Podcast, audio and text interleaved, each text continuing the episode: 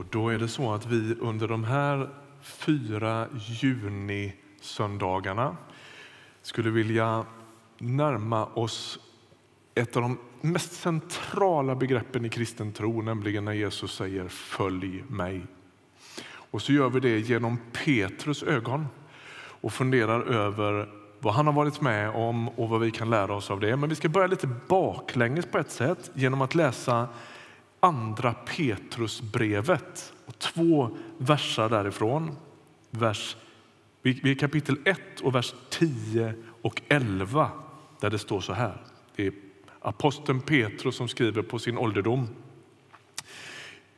Gör istället allt ni kan, bröder, för att befästa er ställning som kallade och utvalda. Gör ni det kommer ni aldrig på fall. Ty då ska ni få fritt och öppet tillträde till vår Herre och Frälsare Jesu Kristi eviga rike. Och bakgrunden är ju den här. Då. Petrus har kallats av Jesus när han är ute och fiskar. Och så har det gått, ja, vi vet inte exakt, men kanske ungefär 30 år sedan han först hör Jesus orden Följ mig. När han lämnar sin båt, han lämnar hela sitt liv så som han känner det för att följa. Och så är vi nu någonstans runt sent 50-tal efter Kristus eller ja, mellan 56 och 68 vet vi att det här brevet är skrivet, men tajtare än så kan vi inte ringa in det här. Och så är han församlingsledare i Rom. Kejsar Nero sitter på tronen. Och så kan jag fundera lite, jag försöker se den här Petrus framför mig när han är i världens huvudstad, utan tvekan, Rom. Denna enkle fiskarpojke som inte hade någon utbildning egentligen, eh, som hade hela vägen utstakad i pappas fiskerifirma vid Genesarets sjö. Och så är han församlingsledare i, i liksom metropolen nummer ett. Hur blev det så här? Jag läste om andra och första Petrusbrevet. I första Petrusbrevet där finns det en skrivare med som heter Silvanus och brevet är skrivet på en ganska hög grekiska med goda uttryck och god grammatik. Andra brevet är skrivet väldigt på ett yxig, enkel, bonnig grekiska och man tror att Petrus helt enkelt har skrivit själv. Så är det. Det är gissningen. Att han kan, det är ungefär så bra han fixar grekiskan. Och, och, så sitter den här på sin åldershöst och funderar och man kan tänka, vad har hunnit hända med den här mannen sedan dagen i båten? En del saker vet vi. Annat kan vi bara gissa oss till. Det vi vet är att han tillsammans med sina vänner i lärjungakretsen följer Jesus under tre väldigt dramatiska år. Han blir ju naturligtvis Jesus ledarfiguren i den här gruppen men förutom honom så är det Petrus som ständigt kliver fram, som är den som tar till orda. Ehm, han är impulsiv, han eh, har snabbt eh, till eh, handling på gott och ont måste man säga. Ehm, han är den första i världshistorien som bekänner Jesus som Messias, Guds son. Så han gör en del bra grejer. Men hans impulsivitet gör också att han ibland ställer till det för sig. Och så småningom inträffar katastrofen i Petrus liv när Jesu sista vecka ställer allting på ända. Petrus lovar i den där dramatiken att han ska stanna hos Jesus ända till slutet. Han är beredd att gå i fängelse och till och med i döden för Jesus om det behövs. Och så vet vi hur det slutar. Han förnekar att han överhuvudtaget känner den mannen, säger han. Och han gör inte det inför en romersk pluton eller inför en, eh, risken om att bli torterad utan inför en tjänsteflicka på översteprästens bakgård. Och förnedringen och skammen och misslyckandet är rätt brutalt för Petrus. Vi kommer att återkomma i den här serien i juni månad nu till de där händelserna och vad det är som hjälper Petrus tillbaks efter kraschen. Men nu sitter han på sin åldershöst och författar det här brevet till medkristna. Och så tänker jag att vi bara ska stanna några minuter vid den här texten som vi läste nu. Gör allt ni kan, bröder och systrar, för att befästa er ställning som kallade och utvalda.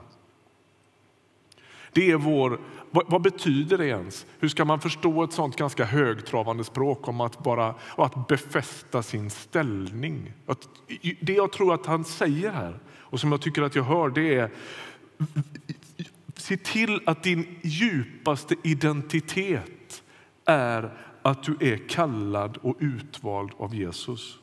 De här två orden utvald och kallad är ju lite kluriga. Jag tänker att jag skulle vilja bara sortera lite i dem. När, vi, när det står att vi människor är utvalda så är det lätt att tänka ungefär som på Garnvindeskolans skolgård i Skepplanda där jag, där jag gick i lågstadiet. Nu ska vi välja till fotbollslaget och så blir man utvald eller inte. Men det är inte det som en utväljelse här handlar om. Man blir inte utvald på någon annans bekostnad.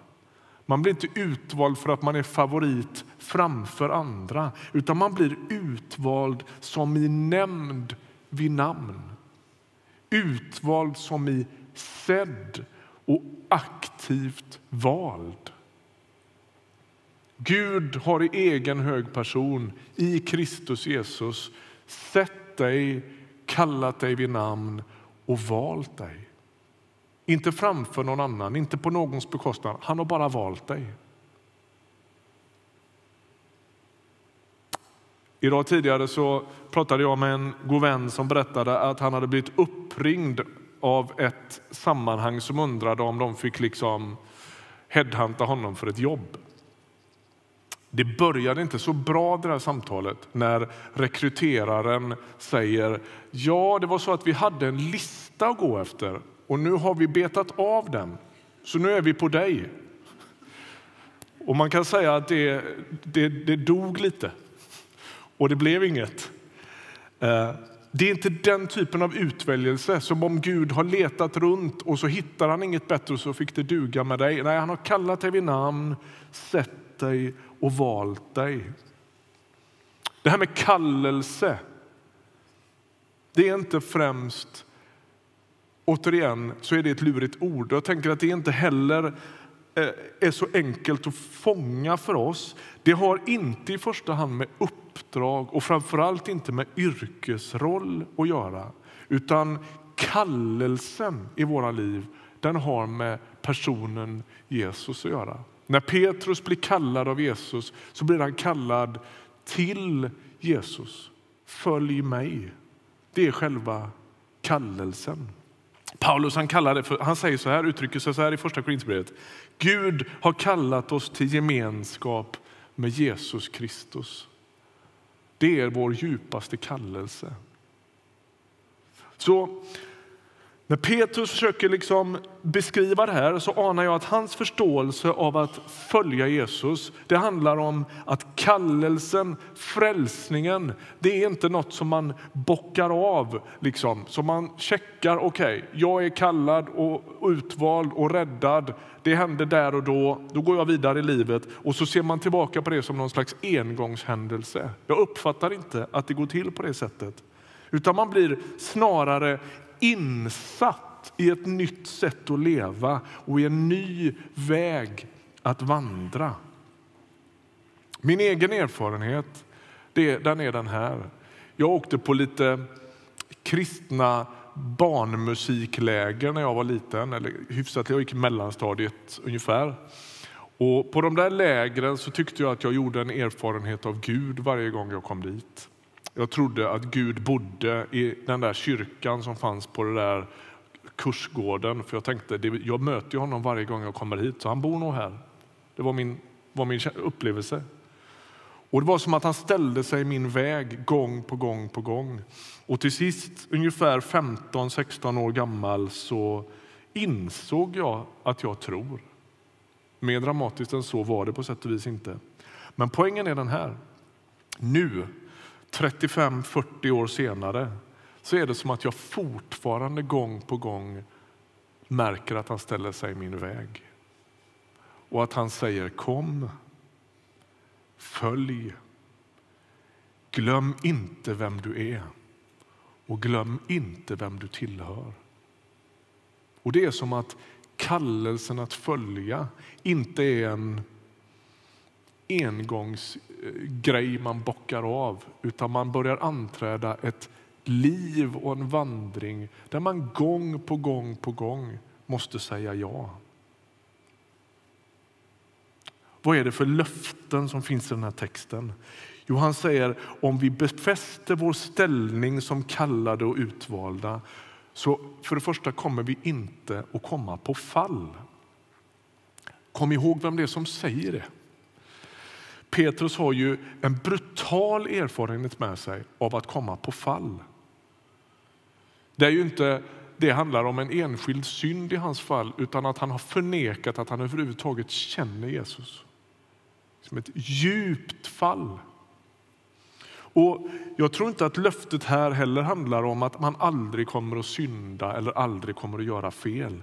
Utan om att den som befästs, rotas i att man är utvald och kallad inte lämnar tron.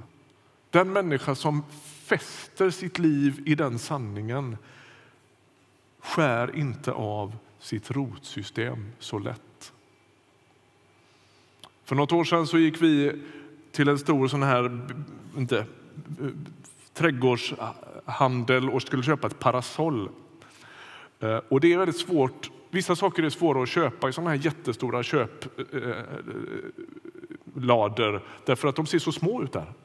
Har ni tänkt på det? Om man köper en tv på Elgiganten så ser den inte så stor ut som den gör när man kommer hem. Och det är som ett parasoll också kan jag berätta. Att när man väl kommer hem med det där som såg ganska lagom ut så är det precis på gränsen till att också skugga grannen. Men det som är grejen med det parasollet, det är foten. Den är jättetung. Och när, jag tänkte på det här om dagen, när, när vinden tar i det där parasollet så kommer det inte på fall. Därför att foten är så tung. Det är så tungt i botten. Är ni med? Och där, där tänker jag att ja, men det är precis det som är grejen här. Det är inte så att löftet är det kommer aldrig att blåsa i ditt liv. Löftet är inte att det aldrig kommer att bli krångligt. Löftet är inte att du aldrig kommer att tappa sugen. Löftet är att det inte kommer att välta på ett sätt som man inte kan reparera. Du kommer inte på fall på det sättet. Och Det andra löftet i det här det är, ja, men det är enormt tjusigt uttryck. Det står vi ska få fritt och öppet tillträde till vår Herre och Frälsare Jesu Kristi eviga rike. Det är som att Gud i egen hög person ska sträcka ut sina armar och hälsa dig välkommen till sin sons rike. Den människa som fäster sitt liv i att man är utvald och kallad kommer att välkomnas in i det riket. Slutligen i dagens predikan. Gång på gång i det här kapitlet, om du skulle gå hem och läsa, det, det, är mitt, det är mitt råd att du går hem och läser det här kapitlet i sin helhet. Andra Petrusbrevets första kapitel. Så återkommer samma begreppsvärld gång på gång. Han talar om att man, kan, man riskerar att glömma. Han säger i vers 12 att han vill påminna. Han säger i vers 13 jag vill hålla er vakna med mina påminnelser. I vers 15 ni ska minnas. Och Det är som att risken för den kallade och utvalda människan är att hon drabbas av minnesförlust. Det där är ju ett klassiskt tema i både Gamla och Nya testamentet. Hur gudsfolket glömmer vilka de är. Man glömmer vad Gud har gjort och därmed glömmer man också vem man själv är. Och därför har du gjort en väldigt bra sak idag när du har dragit dig hit till det dukade bordet. Det är nämligen en alldeles utmärkt minnesövning att fira nattvard. Det är det vi gör då. Då minns vi. Och så krokar vi återigen i den stora berättelsen och säger den handlar också om mig. Han slutar hela sitt brev med att säga så här. Väx till i nåd och i kunskap om vår Herre och Frälsare Jesus Kristus. Det är som att den åldrade aposteln sitter i Rom med sitt, livs, med sitt livsöde och sitt livsäventyr och säger man kan växa i nåd och man kan växa i kunskap om Jesus. Och så lockar den gamla aposteln oss att allt djupare tränga ner i det. Ska vi be tillsammans? Jesus, vi tackar dig för att du välkomnar oss till dig själv. Tack för kallelsen att följa dig. Tack för att du är den som väljer oss. Tack att du har känt oss vid namn långt innan vi föddes. Tack att du vet vilka vi är och tack att du har ställt dig i våran väg. Jag ber för mina älskade bröder och systrar om din hand över våra liv. Fortsätt ditt goda verk och hjälp oss att rotas allt djupare i dig.